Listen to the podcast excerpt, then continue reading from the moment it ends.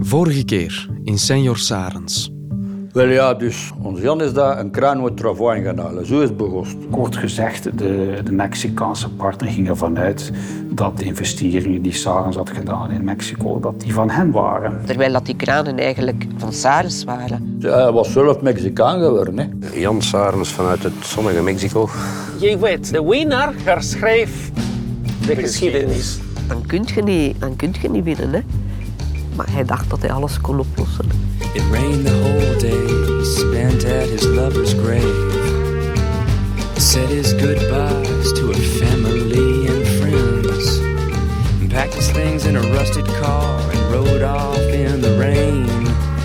He came upon a church in ruin with an old man dwelling within.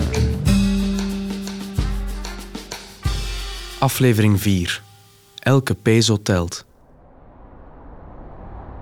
Luc, Leo en ik zitten weer in een taxi in Mexico-stad. En het is spitsuur. Welkom in Mexico.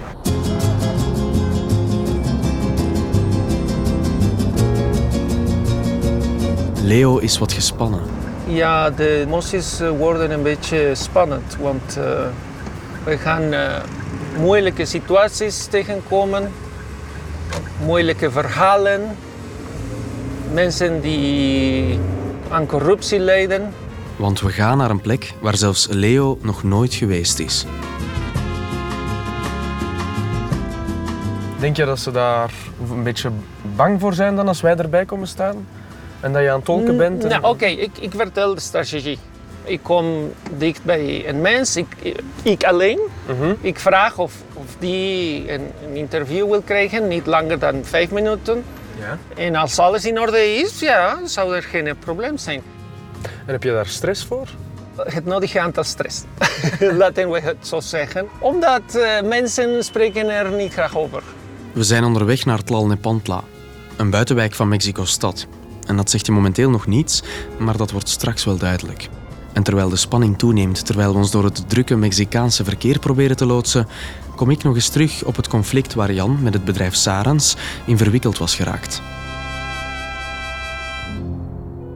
Want dat conflict bereikt in augustus 2007 de pers. Sares werkte in Mexico sinds 2002 samen met de firma Ojeda met een vloot van 45 eigen kranen van allerlei types.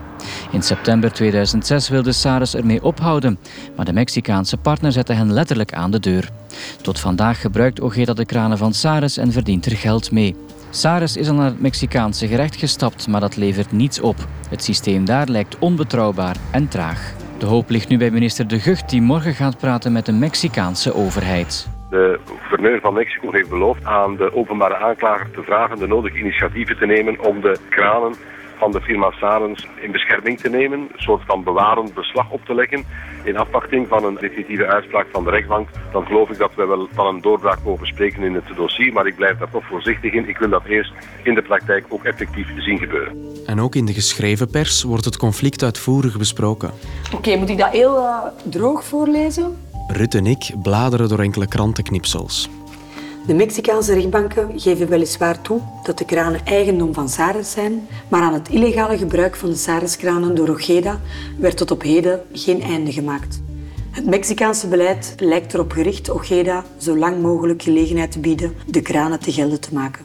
Omdat deze slecht onderhouden worden, dreigt de rekening voor Sares verder op te lopen. Jan staat recht in zijn schoenen.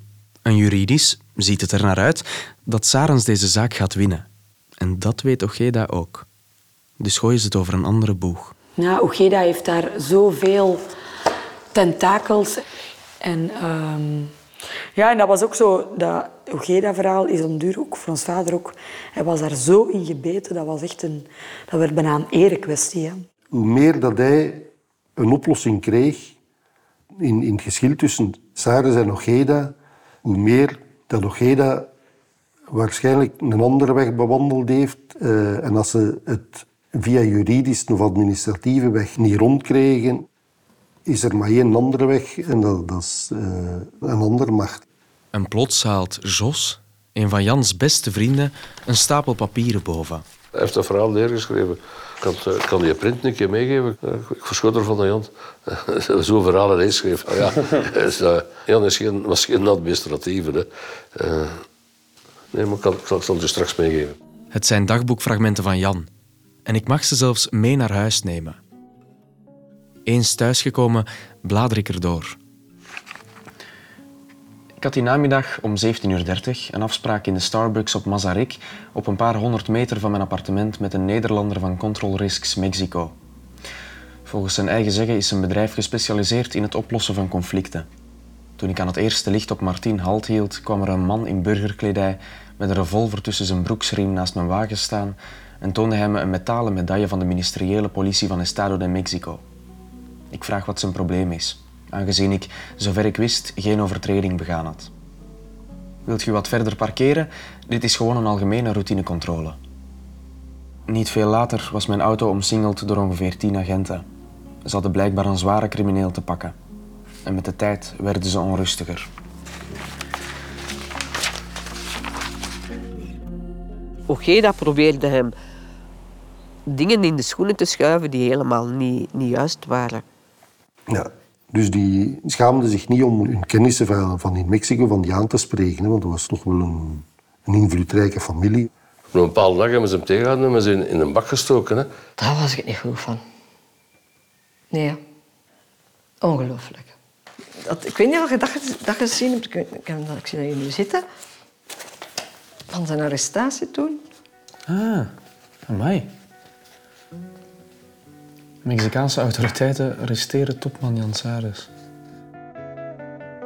Via een kronkelend baantje rijden we een heuvel op in Tlalnepantla. Oh, wei. Dit ziet er een gevangenis uit, ja. Langs beide kanten van onze taxi doen we hoge gevangenismuren op.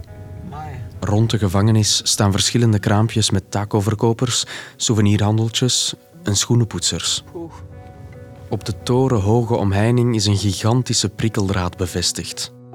In en rond het gevangeniscomplex staan verschillende mensen met grote gebaren en vele emoties te praten. Oké, dus laten we het doen. Maar ook dat hier kraampjes zijn, dat vind ik ook zo raar aan de gevangenis. Dat er marktkraampjes aan de gevangenis staan. Ja, dat gebeurt ook wel. Krampjes zijn een eh, soort schimmel. Ze lijken op schimmel. Ja, Mexico zonder krampjes is, is Mexico niet. Hoewel we lachen met de kraampjes aan de gevangenis, schuilt er achter onze lach een zekere nervositeit.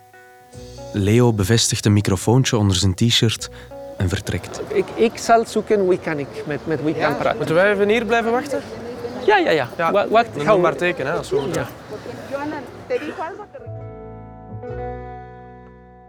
Toen dat hem gevangen genomen is geweest, was dat omdat hem zogezegd met een bedrijfswagen reed van Ojeda, terwijl dat een bedrijfswagen was van Sares. En hebben ze naar de flikken van de staat geld gegeven voor te zeggen, je moet je aanhouden, want je hebt een auto gepikt van de firma.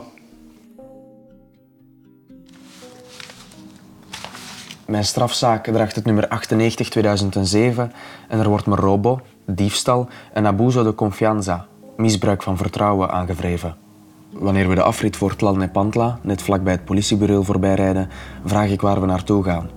Naar hun bureau, vlakbij de politieschool, probeert me me gerust te stellen. Een paar ogenblikken later stoppen we echter voor de poort van de gevangenis van Tlalnepantla. Een beetje later kreeg ik via een telefoontje te horen dat ik voor vannacht daar moest blijven. Maar dat ik me nog altijd geen zorgen moest maken. Morgen vroeg ben je terug een vrij man. Dat is 100% zeker. De begeleider vroeg me toen om al mijn spullen achter te laten en best alles. Want hetgeen je niet bij u hebt, kunnen ze niet afpakken daarbinnen. Waarom ben je hier? werd me telkens gevraagd. Omdat het recht in Mexico geen recht is, was mijn antwoord.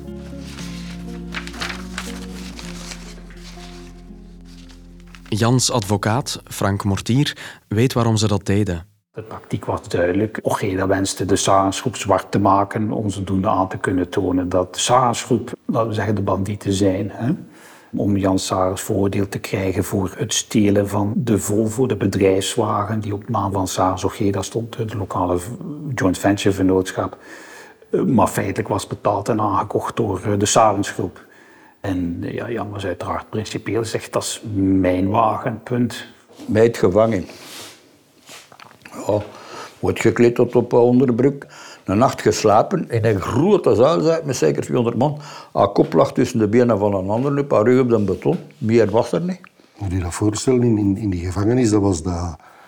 eh, slapen met, met, met, met de zweetvoeten in, in uw neus van, van uw geburen. Dus dat was dat... Varkens zijn beter gehuisvest als gevangen in, in, in Mexico. Op en onder alle stapelbedden lag het vol mensen. Idem in de ruimtes er rond. Ik probeerde wat te slapen op mijn zij, met enkel een deken onder mij op een betonnen vloer, met mijn schoenen als hoofdkussen, zodat ze niet gepikt konden worden. Binnen de muren van deze gevangenis is het gevaarlijker dan in Tepito, de gevaarlijkste wijk van Mexico City, waar zelfs de politie maar met mondjesmaat durft passeren. Kidnappen is binnen deze muren een geliefde sport. Ze bedreigen u, vragen een telefoonnummer van een kennis of familielid en bellen die op met de vraag 2 tot 5000 dollar te storten op een rekeningnummer. Indien niet betaald wordt, overkomt de bedreigde iets. Een mes in zijn buik, bont en blauw geslagen. Blijkbaar heb ik enorm geluk gehad dat ik daar op tijd weg was. Of heeft het te maken met mijn overlevingsinstinct? Wie zal het zeggen?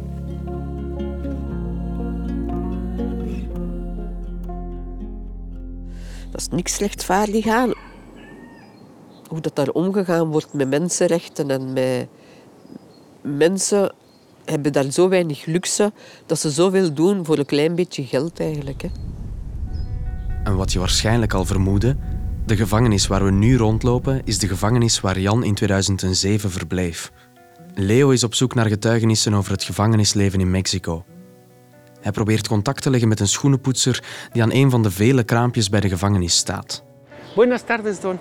¿Le puedo robar cinco minutos? Maar hij kan ons niet bepaald verder helpen. con Iván el bolero, el que, el que es este, de los carros. Maar hij kent misschien wel iemand die ons wel kan helpen. Ivan, een tengere autowasser die zelf nog in de gevangenis zit, maar buiten onder toezicht van bewakers de auto's mag wassen. Buenas tardes, Iván. Mucho gusto. Mira, tú, bueno, el señor que está ahí me, me dijo, me referenció con usted, el señor del bolero. Leo stelt zichzelf voor en probeert wat informatie van Ivan los te krijgen. Maar Ivan blijft op zijn hoede. En hij houdt tijdens het gesprek niet op met het wassen van de auto's. Al geeft hij wel al wat meer prijs. Oké, de, de officiële versie is, de gevangenis is om, om je te, bij de maatschappij te herstellen, te, de, je, je gedrag te veranderen en alles te corrigeren. Maar dat gebeurt nooit. Nooit, nooit. Het is de wet van de regenwoud binnen. Ja, in het Spaans zeggen, we la ley de la selva. La ley de la selva, de wet van het regenwoud. En dat wordt nogmaals duidelijk. En daar lopen mannen met geweren. Ja. De mannen die passeren dragen bruine leren vesten met machinegeweren rond hun nek. Indrukwekkend, hè? Ja. Ja, dat... Zijn dat politieagenten of? Ik weet het niet. Op de trappen van de gevangenis zitten verschillende vrouwen met hun kinderen. Ze verkopen popcorn en andere zoetigheid. Leo koopt een zakje en spreekt een van hen aan. En plots wordt duidelijk waarom niemand hier graag over het leven binnenspreekt. Zij wilde niet opgenomen worden, want eh, als zij over de situatie binnen de gevangenis spreekt, haar, haar familielid, haar zoon, hij wordt gepest door de autoriteit. Dus de autoriteit wil deze informatie, dat deze informatie niet naar, naar buiten komt. Shit, we moeten hier echt weg volgens mij. Allee, ik vind dat hier... Ik ben nu geen sissy, maar dit vind ik echt wel een beetje tricky. We besluiten de gevangenis achter ons te laten. Maar Leo geeft niet op. Hij belt wat rond en krijgt plots het telefoonnummer van iemand die in dezelfde afdeling zat als Jan. De man in kwestie wil ons te woord staan. Op voorwaarde dat hij anoniem blijft. We ontmoeten hem in een grote cafetaria op ongeveer een kilometer van de gevangenis. Voor ons zit een kleerkast van een man met verschillende tattoos. De meest opvallende is de tattoo van een oude Mustang. En ik zie er ergens de humor wel van in. Want de man die voor ons zit, heeft niet alleen de gevangenis gemeenschappelijk met Jan, maar ook de passie voor Mustangs. Deze man is 59 jaar oud. Tengo 59 años. Nunca, Door een mis- misverstand kwam hij in de gevangenis terecht. Hij beweert dat dat onrechtvaardig was. Eh, tengo la experiencia We de haber weten het estado niet. ya en, en esta, en esta prisión. En hij is daar drie weken, bijna een maand gebleven. Vanaf het moment dat je alles moet afgeven, begint de corruptie eh, in de handen van de bewakers. Vanaf dat punt vragen ze naar geld. En afhankelijk hoeveel kan je betalen, is de kwaliteit van het leven dat je daarbinnen kan, kan leiden. En de kost van, van het leven dagelijks is minimaal 80 peso, dat is 4 euro. 80 pesos. En je zegt, ah, ja, 4 euro, kom aan. 60 pesos. Ik bedoel, als je dat niet betaalt, krijg je dan een pak slag. El, penal. Clásico, ¿no? Eh, Omstandigheden in, in de sectie waar hij bleef zijn onmenselijk. Het eten diluyen en 100 litros de agua, ¿no? is smakeloos. Carne, pues no hay una carne como tal, un pollo como tal. De beschrijving van de cel is ook vreselijk. Son para cuatro. Son para cuatro. Met vier slaapplaatsen. Maar daarbinnen zitten nooit vier mensen. Er zitten altijd 8, 10, 12, 15, 16, 18. Da daar zijn ze drie dagen 18 mensen gebleven. No es muy diferente a una prisión en Centroamérica. Er zijn ratten overal. Eh, todo está invadido del piojo de la rata. En die brengen luizen of vlooien. Dus iedereen heeft problemen aan de huid door de insecten. Elke peso telt. Sí, muchas gracias. Ik kan me goed voorstellen hoe de situatie voor, voor Jan moest zijn binnen de gevangenis. Want eh, dit is geen plek voor aangename mensen, glimlachtige mensen, vrijgevige mensen. Dit soort mensen lopen veel risico's. Ik denk dat het voor iedereen, maar ook voor Jan, het is een punt in je leven die alles verandert. Ervoor en daarna. Daar heeft hem heel hard van afgezien. Daar wou hem niet over spreken. Daar werd hem zelfs bijna kwaad over als je daarover vragen stelde. Dan zei hij ook van, ja, ik heb dat opgeschreven. Hij heeft daar een dagboek over geschreven. En dat heeft, hij heeft dat zich letterlijk van zich afgeschreven. En dat was voor hem een afsluiting van een hoofdstuk en hij wou daar niet meer over spreken. Jan komt vrij, maar moet ter beschikking blijven van het Mexicaanse gerecht. En aangezien zijn Spaans klinkt zoals je verwacht dat het Spaans van een steenhuffelaar klinkt, schakelt hij de hulp in van tolk Frank Silkens. Ik kende Jan nog niet zo lang toen ik opeens te horen kreeg van ja, je zit in de cel. Maar net zoals met zijn advocaat Frank Mortier, bouwt Jan met zijn tolk ook een vriendschappelijke band op. Jan was dus lange tijd op borgtocht vrij, dan moest hij dus verklaringen gaan afleggen, moest er getolkt worden. Maar, maar er was natuurlijk ook altijd een, een gesprek daarvoor en daarna en dan werd er natuurlijk ook veel gelachen. Frank is naast zijn job als tolk ook Mexico-correspondent voor VRT. Mogen we jou als Vlaming een beetje Mexico-expert noemen? Eh, ik denk dat je dat onvermijdelijk wordt als je hier zo lang woont. Ja. En daardoor heb ik dus ook het petje gekregen na verloop van tijd van VRT-radiocorrespondent. Heel af en toe word ik eens geïnterviewd. Ja. Stoort het jou dat er vanuit het Westen zo'n negatieve visie hangt tegenover Mexico? Ja, en, en ik, ik merk het ook dat als ik gebeld word, dan is het vaak over eh, iets dat met moord en misdaad en geweld te maken heeft. En hoe meer doden, hoe sneller ze mij zullen bellen. En als ik eens iets anders wil vertellen over Mexico, dat hier bijvoorbeeld op sociaal vlak eh, een veel progressiever land geworden zijn dan bijvoorbeeld de VS. Abortus is nu in heel het land legaal. eh homohuwelijk is, is door het Hooggerechtshof hier perfect legaal verklaard. En als je over zo'n dingen praat, dan is er meestal geen interesse. Dus wij hebben ook wel een beetje zo de neiging vanuit Europa van ja, als we het over de rest van de wereld hebben, dan, eh, dan willen we het vooral over gore dingen hebben en niet over, over zaken waar we toch ook wel eens bewondering voor kunnen hebben. En die bewondering blijft Jan, na zijn verschrikkelijke ervaring in de gevangenis, nog altijd behouden. Wel belangrijk om te vermelden, Jan deed nooit negatief over Mexico. Hij had natuurlijk ja, dat grote probleem voor die foute zakenpartner, maar in Mexico bleef hij altijd vertrouwen. Dus uiteraard, als je hier blijft, dan is het omdat je, omdat je het uiteindelijk hier leuk vindt. Want een beetje daarna is, is hij naar huis gekomen. Ja, dat was zeer ontroerend. Hè. Het ene voordeel was dat hij heel hard vermagerd. Eh, Achteraf was de bedoeling van dan dat ontvuren in, in het gevangen. En losgeld te vragen. Hij is dat dan toch uitgerokt. En hij wist dan dat toch jij dat, dat bevolen had om dat te doen. En dacht toch jij dat, dat hij naar, naar Bergen ging vluchten. En dan, ja. Maar vluchten doet Jan niet. Sterker nog, hij keert terug naar Mexico en koopt zelfs een buitenverblijf in Acapulco. Maar ja, ik denk omdat hij zich daar al gesetteld had en dat hij zoiets had van, ja, die ging naar zijn oude dag, wetende van, misschien blijf ik hier wel. Of, allee, ik zit er eigenlijk wel goed. Dus hij zat in Mexico City en dan in het weekend ging hij veel naar eh, Acapulco. Hè. Acapulco was zo'n beetje zijn toevluchtsoord als hij zo een keer een paar dagen zo wat rust wilde. Dan nam hij de bus vanuit Mexico City naar daar. Dat was zo zes uur. Dat was zo zijn tripje. En hij voelde zich daar goed. Want veel mensen hebben een heel negatief beeld over Acapulco. Die criminaliteit, dat was altijd heel latent. Dat was niet zichtbaar voor de gewone mensen dat daar kwamen. Dus ik heb mij nooit echt angstig gevoeld of zo daar. En ik denk hij ook niet. Maar de baai waar ons vader zat, was echt een prachtige plek. Maar dat negatieve beeld van Acapulco komt er natuurlijk niet zomaar. Vroeger was de luxe badstad een geliefd vakantieoord voor vele Hollywoodsterren. Orson Welles spendeerde er meerdere vakanties en JF Kennedy ging er zelfs op huwelijksreis. Maar door verschuivingen van drugskartels en het daarmee gepaarde geweld heeft Acapulco veel van zijn franjes verloren. De Hollywoodsterren bleven weg en het ooit zo glamoureuze Acapulco werd bijna een spookstad. In 2010 kwamen hallucinante cijfers boven. Mensen die langer dan 70 jaar in Acapulco wonen, hebben één kans op 10 om door een moord om het leven te komen.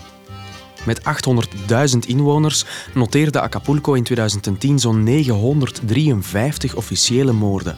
Dat is meer dan 1 op 1000. Maar ook dat schrikt Jan niet af. Ieder weekend trekt hij met een nachtbus naar de badstad om er tot rust te komen. En dat tripje naar het zuiden van zo'n 400 kilometer maken Leo, Luc en ik ook.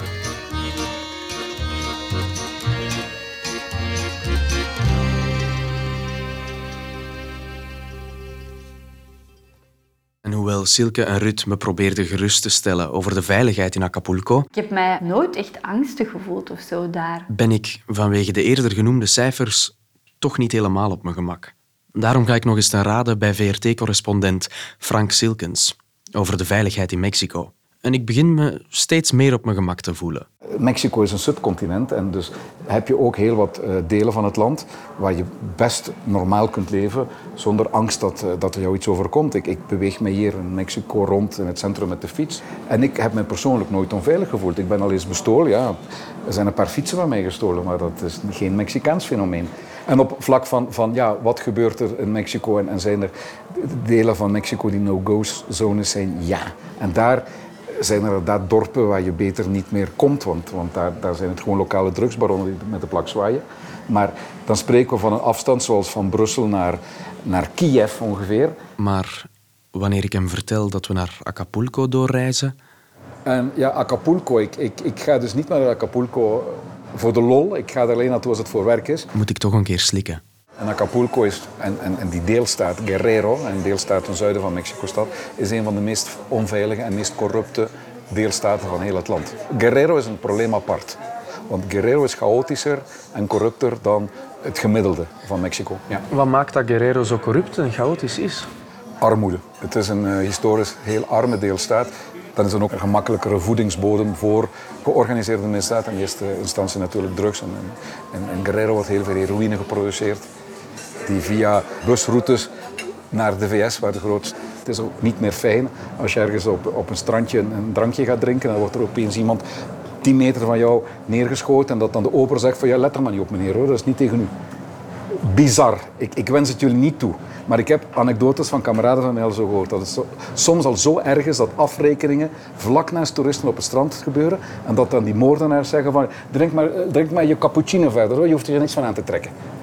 Ergens hoop ik nog dat Frank overdrijft. Maar ook Leo is niet happig om naar daar af te reizen.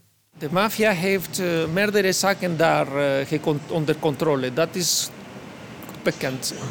Als jullie niet waren gekomen, zou ik daar niet gaan. Alleen nee, nooit. En vooral die nooit is veelzeggend. Maar om Jan en zijn verhaal echt te leren kennen, wil ik naar daar. En dus nemen we dezelfde soort nachtbus als die van Jan.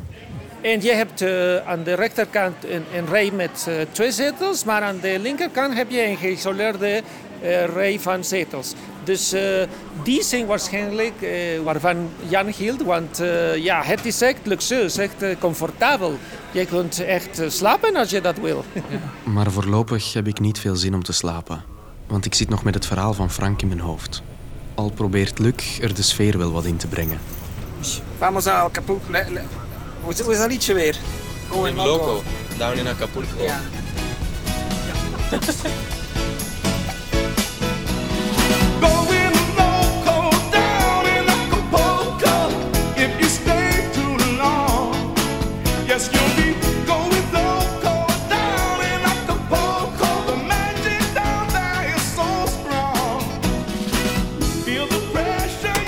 Ook de nachtbussen hebben wat van hun glamour verloren, want de deur van de wc achter ons op de bus klappert voortdurend. Iets waar Leo wel een oplossing voor heeft. Mexicanen zijn heel creatief. Hij trekt de veters uit zijn schoenen en bedenkt een ingenieus systeem om het wc-deurtje weer vast te knopen. En plots snap ik waarom Leo en Jan vrienden waren.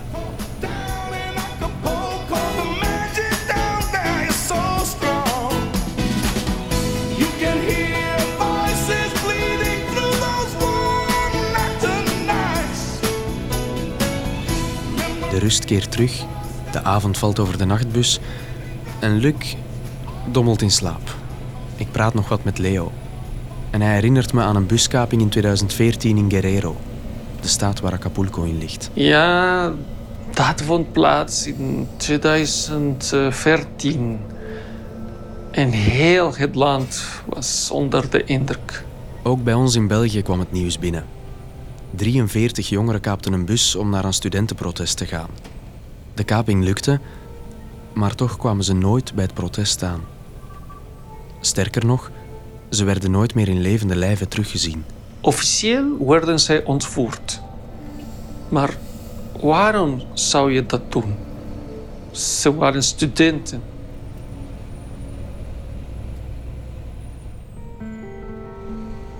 De officiële verklaring wordt door vele ouders van de vermoorde studenten niet geloofd. De hypothese is per ongeluk. Een bus met drugs, met heroïne gekapt en het leger heeft ze vermoord. De jongeren hadden een bus gekaapt. Maar wat ze niet wisten, is dat die bus gevuld was met heroïne, afkomstig van de maffia. De maffia heeft het leger het bevel gegeven. Die, die bus moet terug. En de jongeren moeten een lesje leren. Want zelfs het leger staat in Guerrero aan de kant van de maffia. 43 jongeren. 43. 43 jongeren. Leo staat recht om zijn veters weer in zijn schoenen te knopen. Het deurtje van de wc achter ons begint opnieuw te klapperen. We komen aan in Acapulco.